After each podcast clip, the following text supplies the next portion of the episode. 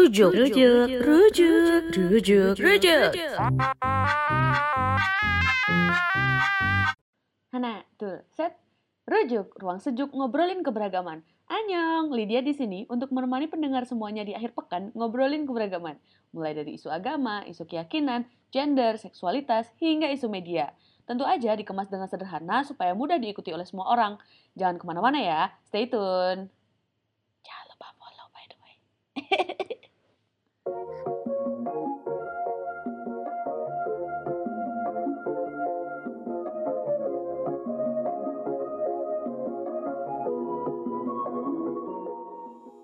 Y'all, selamat pagi, siang, sore, kapan pun kamu dengerin podcast ini. Selamat datang di episode terbaru, Rujuk Ruang Sejuk Ngobrolin Keberagaman. Hari ini kita akan ngobrol dengan seorang pegiat isu kesejahteraan hewan, namanya Kak Citra Referendum. Sehat dulu dong Kak. Halo teman-teman Rujuk, salam kenal, aku Citra. Baiklah, nah Kak Citra ini salah satu yang bikin ini ya, campaign apa sih, Fit Not Bomb ya, untuk Um, eh, hewan-hewan. Ya, Gimana jadi aku bersama teman-teman itu eh, kami mengawali campaign Fit Not Bomb. Jadi sebenarnya menebar pakan begitu ya buat hewan-hewan jalanan dia baik eh, kucing maupun anjing dan Fit Not Bomb ini memang dia sekarang sudah tersebar di puluhan wilayah di Indonesia. Juga eh, aku bersama partnerku juga mem- menginisiasi campaign yang memang fokus terhadap soal isu-isu hukum yang kaitannya dengan hewan itu di Animals Don't Speak Human. Kira-kira begitu, Sister. Nah, karena ini memang mungkin mungkin teman-teman bertanya kali ya, apa sih kaitannya kita ngomongin eh, ngomongin hewan sama isu keberagaman? Oh ada. Jadi eh, beberapa waktu yang lalu anjing di Aceh gitu ya untuk untuk wisata halal demi apa namanya mewujudkan cita-cita ada wisata halal di Aceh eh, seorang anjing mati gitu. Se kok seorang seekor anjing mati gitu kan. Nah, eh, ternyata sejarah ini apa pembunuhan hewan untuk apa namanya karena sentimen agama atau untuk untuk ambisi manusia tuh banyak banget nih terutama di Indonesia gitu ya. Masih ada misalnya pembantaian anjing di daerah Indralaya gitu misalnya. Atau em, ada ada juga yang nggak nggak ini ya eh, apa namanya nggak ada yang misalnya hanya karena anjingnya buang air buang air besar sembarangan gitu. Terus eh, ada penganiayaan gitu hanya karena ini hewan. Maksudnya kan kalau kalau kita ngomongin manusia, manusia berakal gitu ya. Dan kita nggak tahu em, sejauh mana kan hewan mengerti dia harus eh, ini di mana. Kalau misalnya dia bawa air besar sembarangan, ya eh, itu kan maksudnya bukan kayak bukan anak kecil gitu loh. Mungkin ada yang udah bisa dilatih dan segala macam. Tapi kan banyak juga belum tahu gitu. Tapi itu bukan berarti kita bisa bebas melakukan kekerasan pada anjing gitu ya, terutama. Nah, kalau Kak Citra sendiri em, kira-kira eh, apa yang jenis-jenis kekerasan apa yang menimpa anjing gitu seringnya? Ada mungkin kekerasan verbal atau fisik? Atau eh, apa gitu? Iya, kasih, Sister. Jadi memang em, ada banyak banget ya kasus-kasus yang memang terjadi atau dihadapi oleh anjing khususnya yang memang perlakuan-perlakuan itu yang tidak layak. Nah, ada banyak contohnya. Dia mungkin yang terlihat itu kekerasannya secara fisik gitu. Apa pun bentuknya itu tentu kalau misalnya membuat dia tidak nyaman, takut, bahkan sampai sakit, bahkan sampai mati, ya itu udah kekejaman paling luar biasa seperti itu ya. Tapi juga ada kekerasan-kekerasan yang kalau misal diasosiasikan dengan manusia tentu disebut sebagai kekerasan mental atau psikis. Mereka juga punya eh, psikis begitu ya. Itu juga yang kemudian menjadi persoalan yang orang-orang manusia menganggap ah eh, digituin doang misalnya kayak gitu. Atau ada kasus-kasus juga penelantaran terhadap hewan. Biasanya kebanyakan anjing itu apalagi anjing dan maupun kucing dibeli karena dianggapnya lucu gitu, dijadikan sebagai kado begitu ya. Jadi nggak menganggap bahwa mereka itu adalah makhluk hidup yang juga harus dihargai hidupnya. Nah akhirnya ketika memang tidak serius untuk merawat eh, merawat anjing, akhirnya kemudian anjing ini eh, ketika dia bentuknya sudah dianggap bentuknya secara eh, kasat mata begitu ya, udah nggak menarik lagi nih, udah dewasa begitu ya. Terus sifatnya udah nggak bisa di apa ya tidak menyenangkan bagi manusia tersebut misalnya gitu. Nah itu udah dibuang aja begitu atau bahkan dibiarkan aja di rantai di depan rumah, di kandang di depan rumah begitu ya. Ya udah asal dikasih makan cukup begitu. Padahal sebenarnya bukan begitu memperlakukan hewan.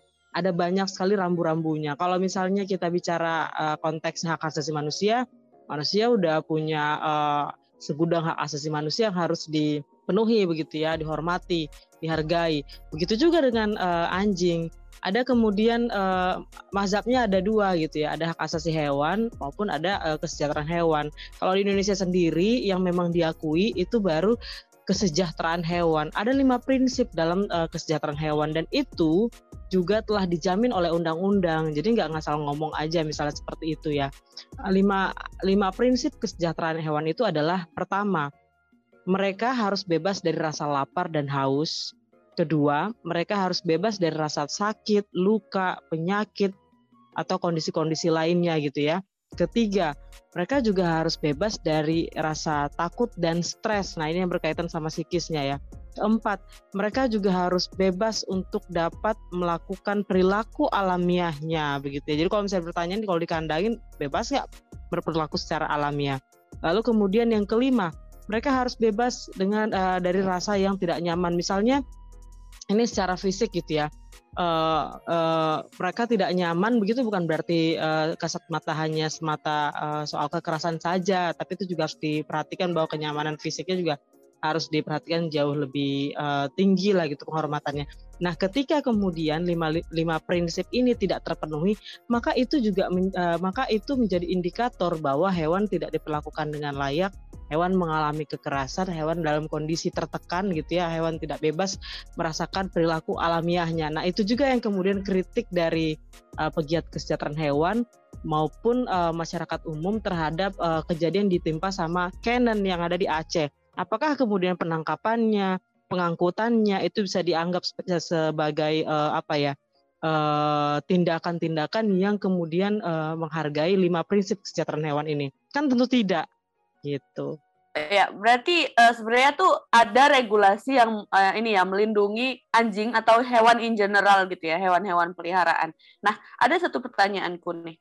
Anjing-anjing lucu yang di bonsai gitu ya dalam tanda kutip yang mereka tidak bisa tumbuh besar, kemudian mereka cuma seukuran apa sih glass cup gitu itu berarti termasuk animal abuse ya? Ini maksudnya yang uh, memang di secara laboratorium di ini ya? Benar. Begitu maksudnya ya? Ya mm -mm. itu juga ada persoalan ya sis uh, persoalan uh, ketika kemudian mereka dikawin silangkan gitu ya untuk mendapatkan uh, model yang diharapkan oleh manusia persoalannya mulai dari konsep menurutku gitu. Jadi memang konsep yang kemudian dipahami oleh uh, manusia bukan cuma dipahami ya, ya dilakukan gitu ya dijalankan oleh manusia itu konsep-konsep yang antroposentrisme.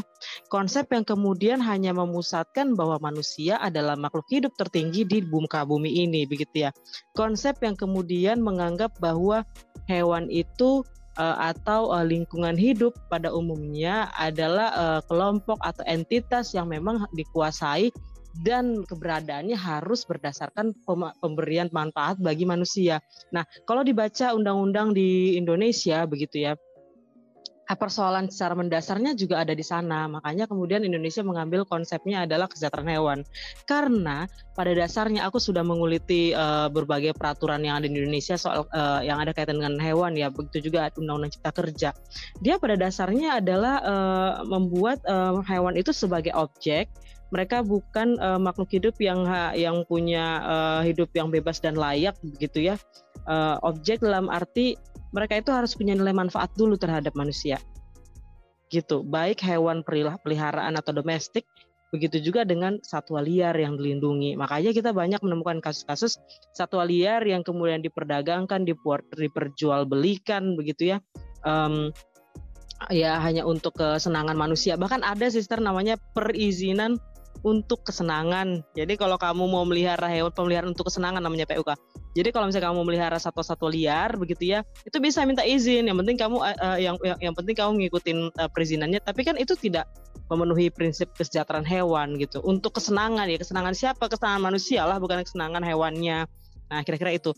Jadi jadi uh, biasanya uh, tadi yang perkawinan silang itu akan sangat dipastikan lebih banyak praktik-praktiknya yang cenderung melanggar prinsip-prinsip kesejahteraan hewan itu karena mereka dipaksa untuk kawin. Ada banyak sekali kan juga begitu juga dengan hewan-hewan uh, yang uh, dijadikan uh, apa ya uh, mata pencaharian jadi objek perjualbelian oleh oleh apa namanya uh, breeder ya bahasanya ya oleh breeder-breeder itu itu sister itu mengerikan kalau kalau misalnya sister lihat video-videonya itu dipaksa itu sampai misalnya anjing ya anjing betinanya sampai ketakutan luar biasa dipaksa kawin sama si jantan itu.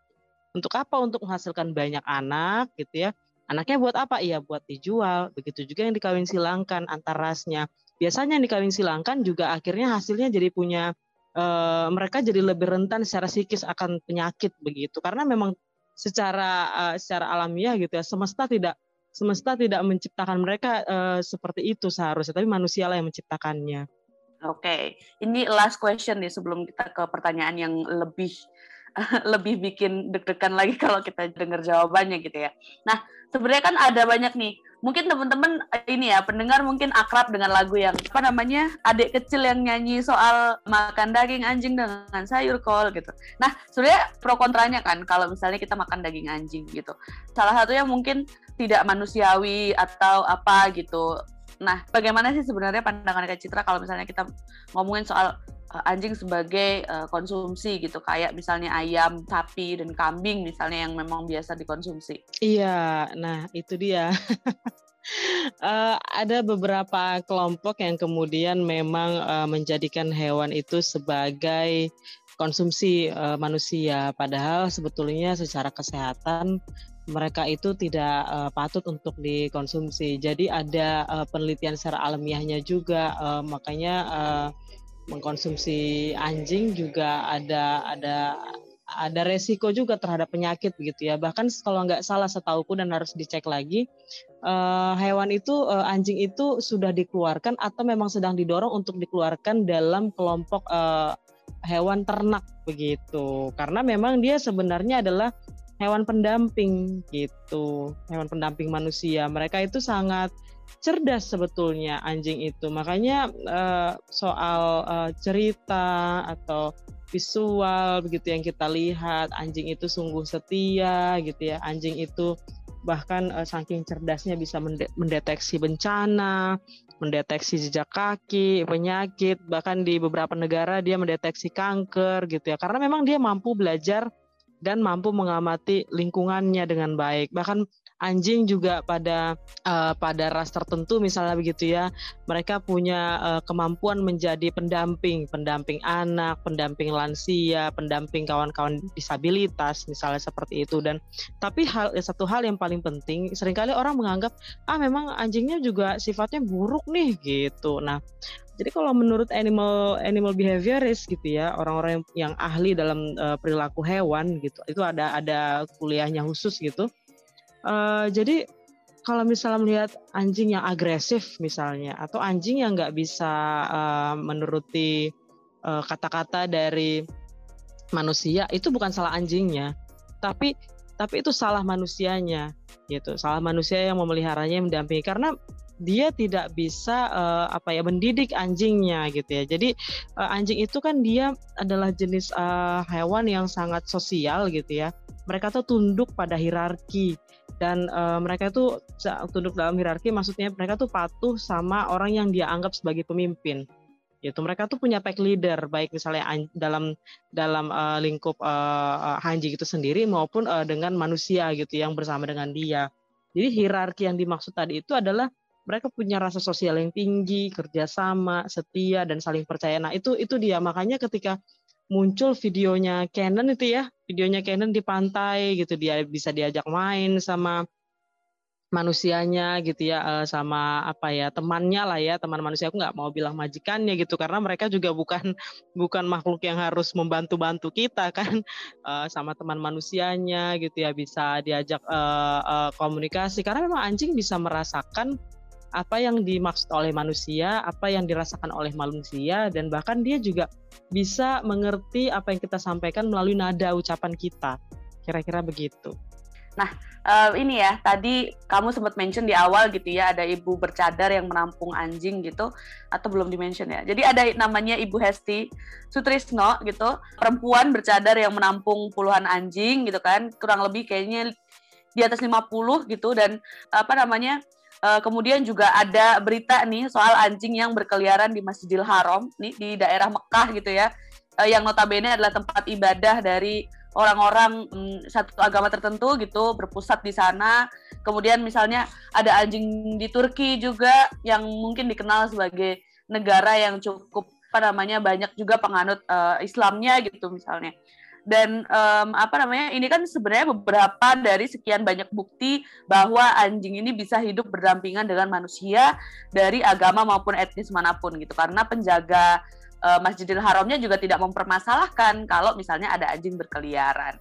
Di Turki juga pemerintahnya juga membiarkan anjingnya berkeliaran dan tidak menganggap itu haram gitu. Kemudian Ibu Hesti juga membuktikan bahwa perempuan bercadar itu bisa memelihara anjing gitu dan dan uh, apa namanya masih bisa memperlakukan mereka dengan layak dan masih bisa beribadah gitu. Nah, tapi kenapa masih ada sentimen terhadap anjing terutama di Indonesia ya? Anjing itu haram, anjing itu kejam gitu, sadis gitu um, aku sendiri jujur aku tuh nggak nggak apa ya takut gitu sama anjing. Bukan karena bukan karena aku benci karena sentimen karena aku dari agama apa dari suku apa gitu.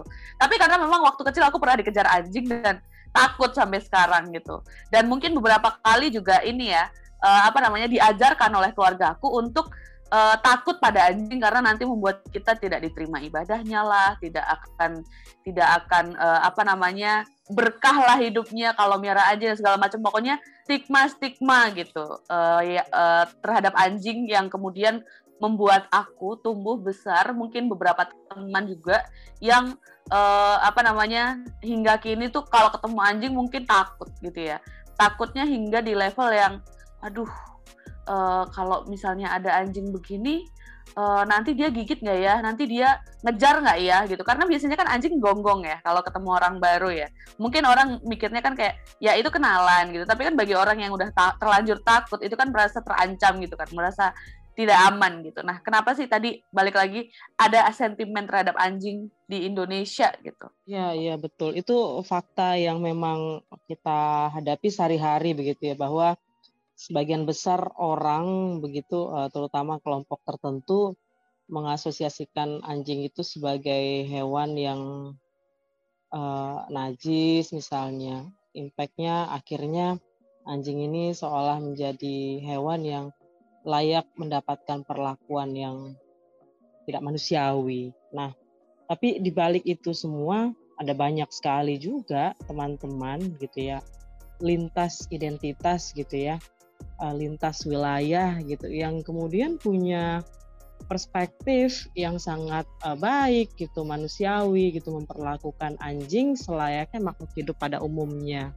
Jadi aku pikir tadi terutama tadi disampaikan sama Lydia di Turki ya itu bukti nyata bahkan um, itu tidak hanya kultur masyarakatnya begitu yang memperlakukan anjing tapi juga kemudian di dijamin juga oleh pemerintah mereka punya program yang bisa um, memastikan bahwa anjing-anjing uh, liar uh, di jalanan begitu ya itu mereka bisa hidup bebas gitu ya bebas uh, bebas nyaman tidak tidak merasa uh, takut tidak stres bebas untuk dari dari kekerasan misalnya gitu. Bahkan mereka juga mendapatkan pakan maupun air yang layak. Itu patut diapresiasi. Begitu juga tadi dengan ibu Hesti ya di Indonesia. Uh, Ibu Hesti ini uh, bahkan dia menyelamatkan banyak sekali anjing-anjing uh, liar yang terlantar di jalanan. Kita tahu bahwa di Indonesia, terutama di kota-kota besar, kita akan sangat sulit sekali menemukan anjing uh, jalanan atau liar ada gitu. Kenapa? Karena memang Indonesia masih kental sekali stigma yang yang harus di disandarkan kepada anjing gitu ya. Padahal seharusnya sih menurutku uh, terlepas dari apa pun itu, kupikir kita sebagai manusia itu uh, harus mampu juga berpikir kritis gitu ya. Kita kita tahu bahwa zaman itu berubah gitu tentu peradaban juga harus semakin maju dan semakin uh, manusia dan aku juga percaya bahwa setiap keyakinan maupun kepercayaan itu mengajarkan kebaikan kebajikan gitu ya mengajarkan bahwa kita manusia harus memperlakukan semua makhluk hidup di muka bumi ini dengan rasa hormat dengan rasa penghargaan yang tinggi. Kalau bagi manusia kita mengenal ada namanya hak asasi manusia. Kalau bagi hewan di Indonesia ada namanya uh, kesejahteraan hewan. Begitu juga dengan tumbuh-tumbuhan yang ada karena memang semesta ini bisa kemudian berjalan uh, dengan baik, kita bisa hidup di muka bumi ini ya karena memang kerjasama dari semua makhluk hidup dan ekosistem yang ada. Kira-kira begitu. Jadi terlepas dari apa pun identitas kita gitu, kita harus memaknai bahwa bumi ini isinya beragam. Bumi ini isinya tidak hanya satu uh, makhluk saja atau satu spesies misalnya gitu ya bahasa spesies juga sebenarnya uh, dikritik begitu ya. Tapi juga kita hidup berdampingan dengan siapa pun itu gitu. Manusia aja beragam gitu kan sukunya atau identitas uh, gendernya orientasi seksualnya begitu ya kepercayaannya seperti begitu juga dengan ada makhluk hidup lainnya. Nah karena memang kita beragam maka kita juga harus bisa menciptakan lingkungan yang inklusif buat semua makhluk hidup tidak hanya terhadap manusia kira-kira begitu um, ini ya sis aku baru baca uh, berita juga. Um, jadi setelah kasusnya Canon, kita mungkin agak jauh nariknya. Uh, setelah kasusnya Canon, uh, apa namanya tiba tiba-tiba pemiliknya minta maaf gitu, karena ternyata uh, apa namanya uh, memang dia sudah diperingatkan untuk uh, apa namanya um, untuk mengendalikan si Canonnya gitu. Um, terus kemudian uh, apa namanya warganet itu banyak yang mendukung siapa ya si Satpol PP gitu. Jadi kayak merasa uh, pemilik Canon ini memfitnah Satpol PP melakukan ini ini ini ini ini tapi ternyata dia memang sudah diperingatkan dan segala macam. Ini kan tentunya bikin ini ya uh, apa namanya kalau aku sih pribadi kenapa dia harus minta maaf gitu anjingnya dibunuh gitu loh um, apa namanya uh, mungkin kenapa mungkin ini ya kenapa sih kok jadinya uh, si korban yang minta maaf gitu padahal uh, meskipun ini ya uh, si Kenan mungkin menggigit, mengejar gitu. Uh, mungkin dia memang ya namanya hewan ya, balik lagi ya. Namanya hewan gitu loh, bukan bukan anak kecil yang dibilang Kenzo jangan gigit orang. No, no, no. Yang yang dia kalau oh nanti kalau gigit apa namanya aku bisa dimarahin mama gitu.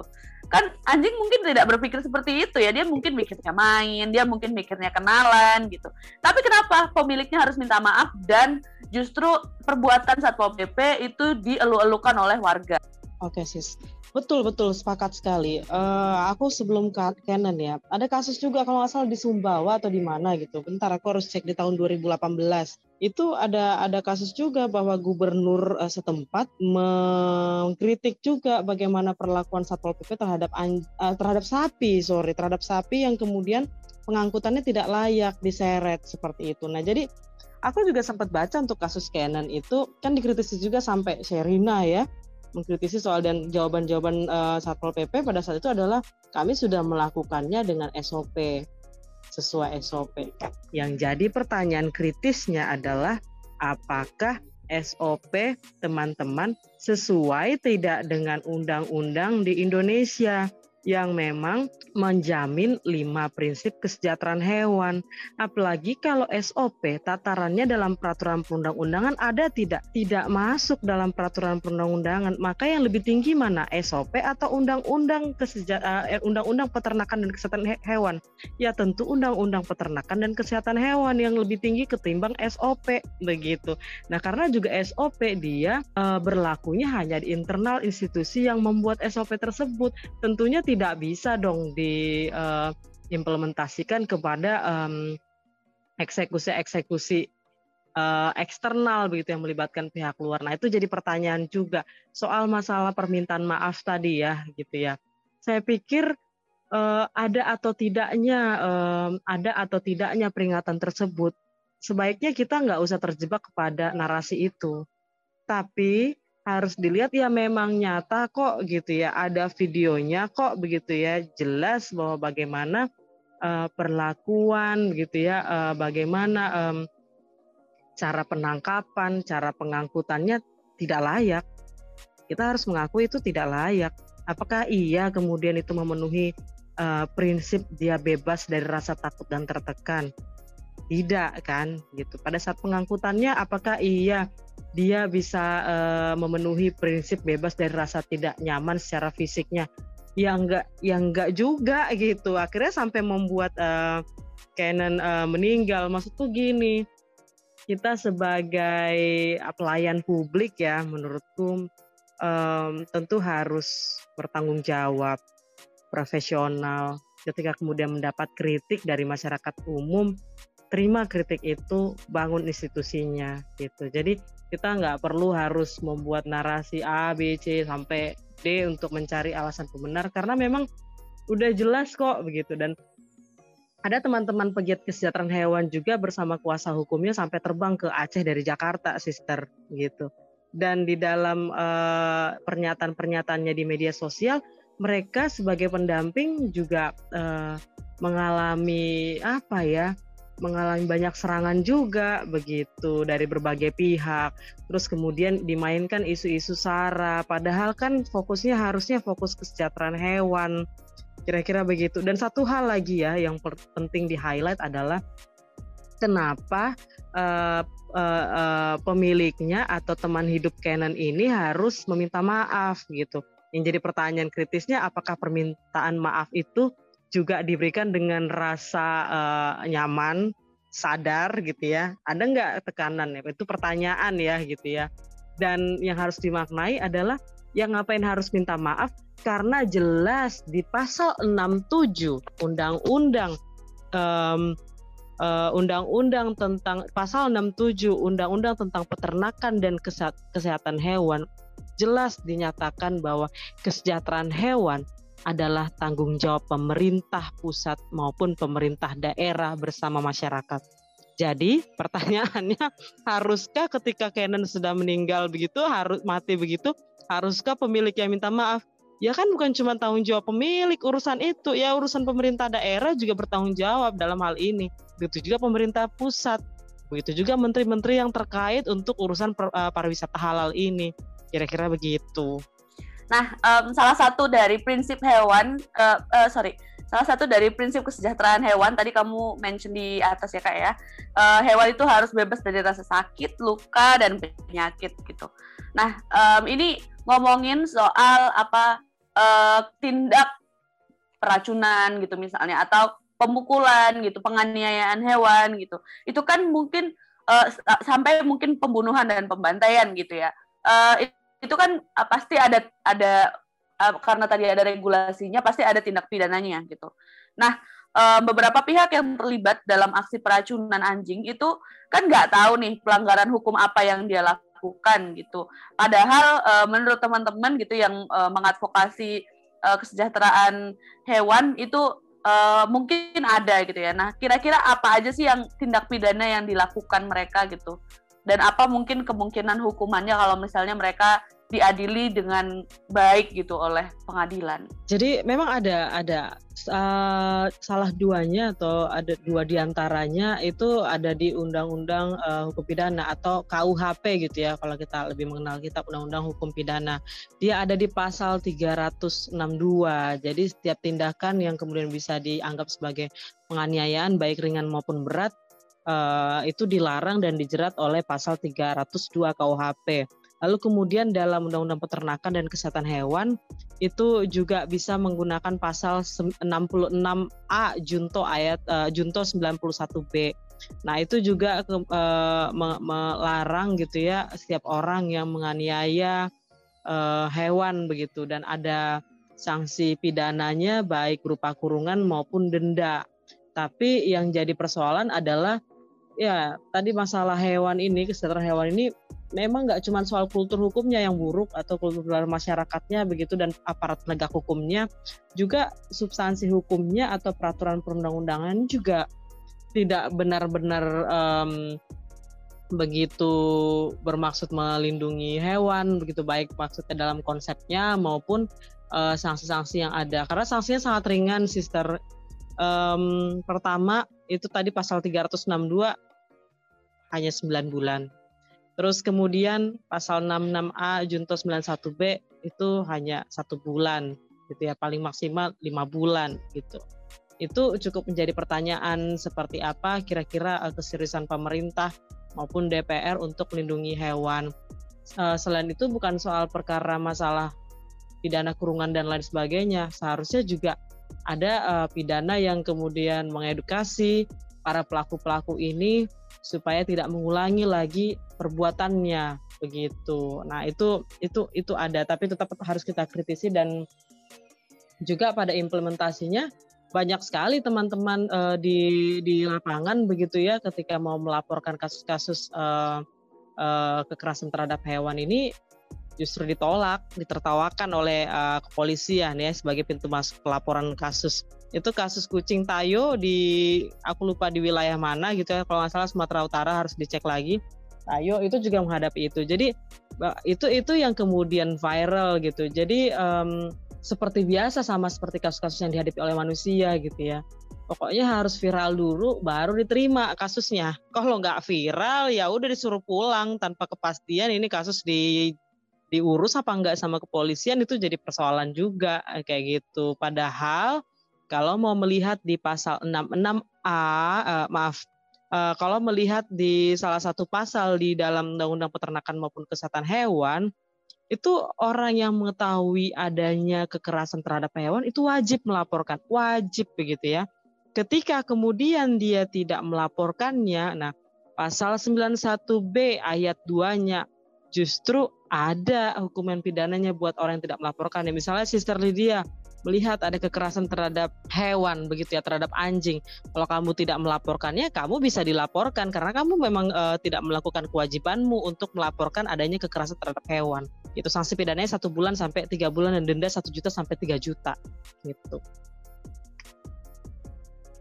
Oke, tapi ini ya orang masih karena ringannya hukuman, kemudian dendanya juga mungkin tidak sebanyak denda ketika kita melakukan kejahatan terhadap uh, sesama manusia gitu ya. Jadi orang tuh uh, merasa uh, bisa mengabuse hewan kapan pun saat dia mau gitu. Either karena dia memang nggak suka dengan pemiliknya atau dia nggak suka dengan hmm. uh, agama tertentu gitu ya. misalnya, ya kan ya. ya. Nah, ya, kenapa ya, sih? Betul kenapa sih uh, hewan tidak seharusnya menjadi korban ambisi masyarakat gitu? Karena memang dia makhluk hidup yang memang layak untuk mendapatkan perlakuan yang manusiawi. Kita sebagai uh, manusia hidup berdampingan di muka bumi ini tidak hanya uh, kita sebagai pusatnya, senternya. Setiap setiap makhluk hidup di muka bumi tentu punya kontribusi yang besar terhadap berjalannya semesta ini, begitu ya.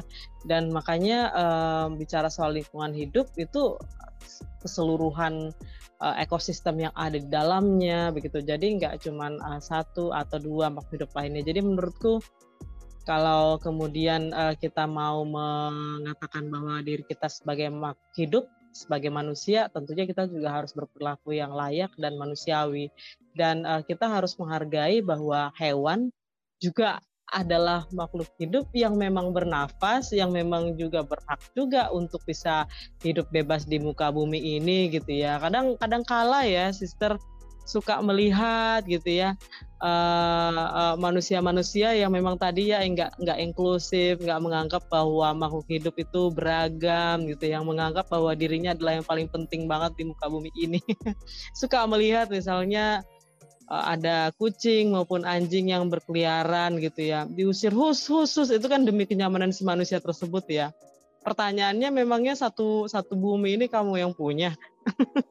Itu kan jadi pertanyaan dan mereka harusnya bebas dong untuk berkeliaran di mana gitu misalnya. Kayak uh, dan juga sering kali yang jadi yang yang uh, menurutku menjadi hal yang patut ditertawakan gitu ya. Kayak um, misalnya kalau melihat dalam satu komunitas ada satu atau dua orang yang concern banget soal uh, hidupnya satwa gitu ya. Mereka mengamalkan kebajikan kebaikan terhadap uh, satwa misalnya gitu nanti uh, orang-orang di lingkungan itu juga misalnya ketika nggak nyaman ada kucing yang berkeliaran tuh anjing berkeliaran pasti bilangnya eh ah itu dong urus dong anjingnya kucingnya itu dong. Padahal itu bukan uh, kepemilikan atau peliharaan dari si si A sama B ini.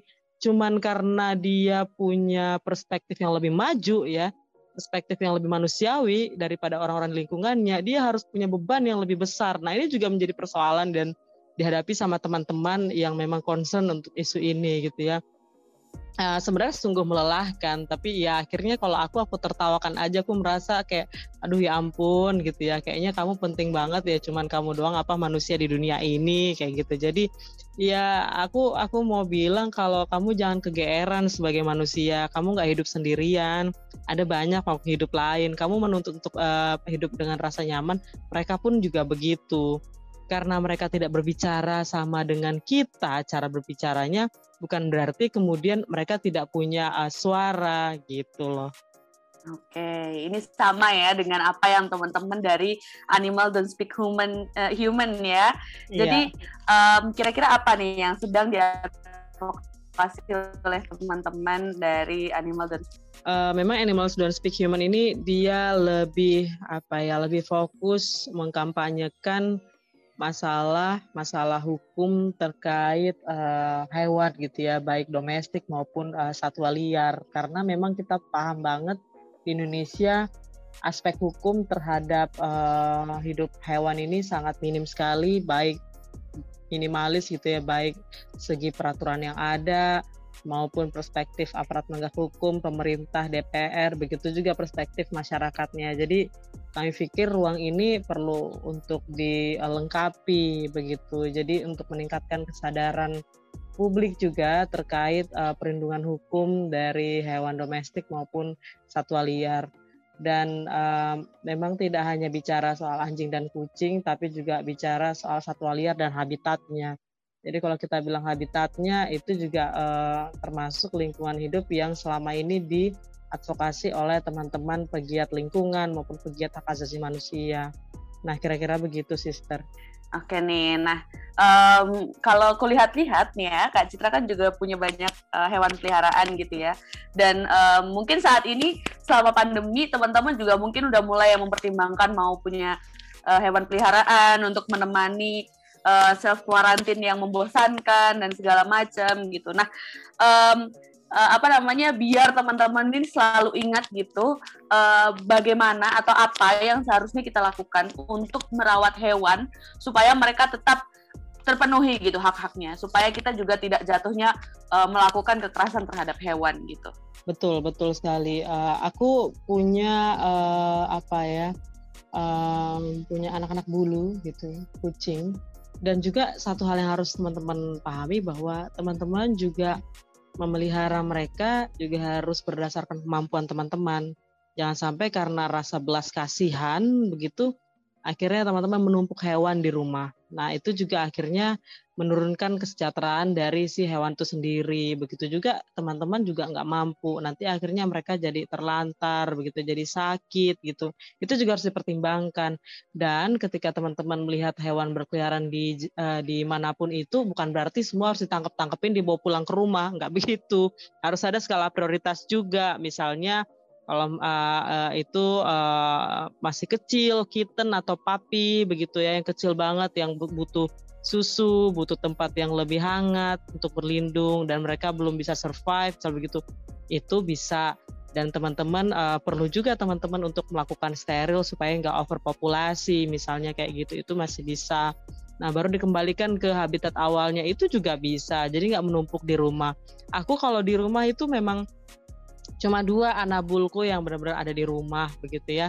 Sisanya aku juga kemudian uh, ada ada kucing-kucing yang aku posting begitu ya itu kemudian biasanya aku temukan di jalanan kalau aku ngelakuin street feeding dan juga kucing-kucing teras sifatnya gitu. Jadi ada kucing-kucing berkeliaran di perumahan gitu ya dan aku pasti menyediakan makanan maupun minum yang bersih dan layak di depan rumah. Jadi mereka kalau lapar ya tinggal makan di situ, minum di situ gitu. Bahkan misalnya hujan, panas mereka berlindung di terasku ya juga nggak masalah itu monggo. Jadi kupikir ada ada banyak uh, cara teman-teman untuk bisa uh, menjadi manusia yang benar-benar manusiawi gitu dan bagaimana caranya supaya teman-teman bisa memastikan anabul teman-teman di rumah itu hidupnya layak.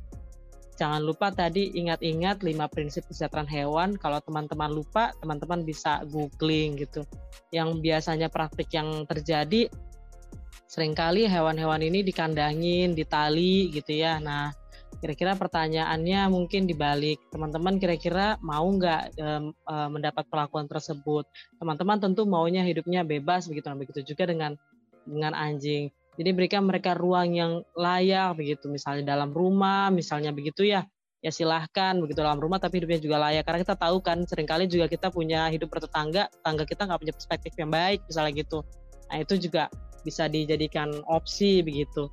Nah um, kita juga uh, hidup dengan mereka juga harus memperhatikan perilakunya. Mereka harus bebas dengan perilaku alamiahnya gitu ya.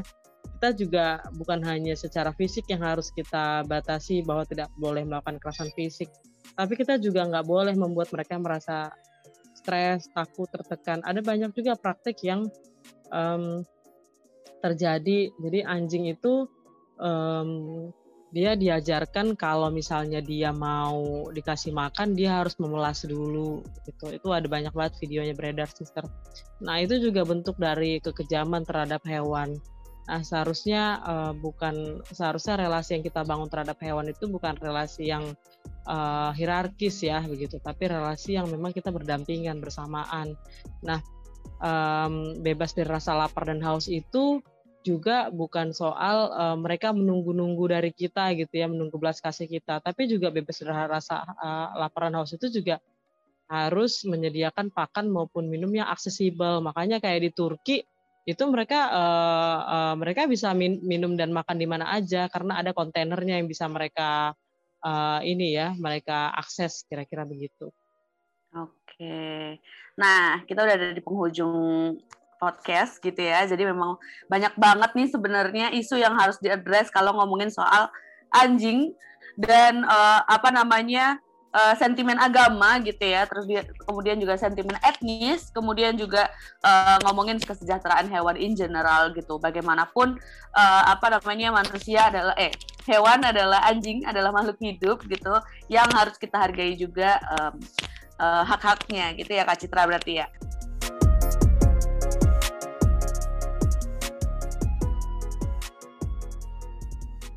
Nah, segitu dulu ya obrolan kita kali ini bersama dengan Kak Citra. Jangan lupa follow at Citsi underscore untuk tahu kegiatan Kak Citra. Dan jika ingin berkolaborasi dengan Fit Not Bomb juga bisa. Kemudian teman-teman juga bisa follow di at Animal dan Speak Human dan Fit Not Bomb di Instagram. Jangan lupa juga follow Facebook, Twitter, dan Instagram kami di @kabarsejuk biar nggak ketinggalan info-info terbaru seputar keberagaman. Annyeong!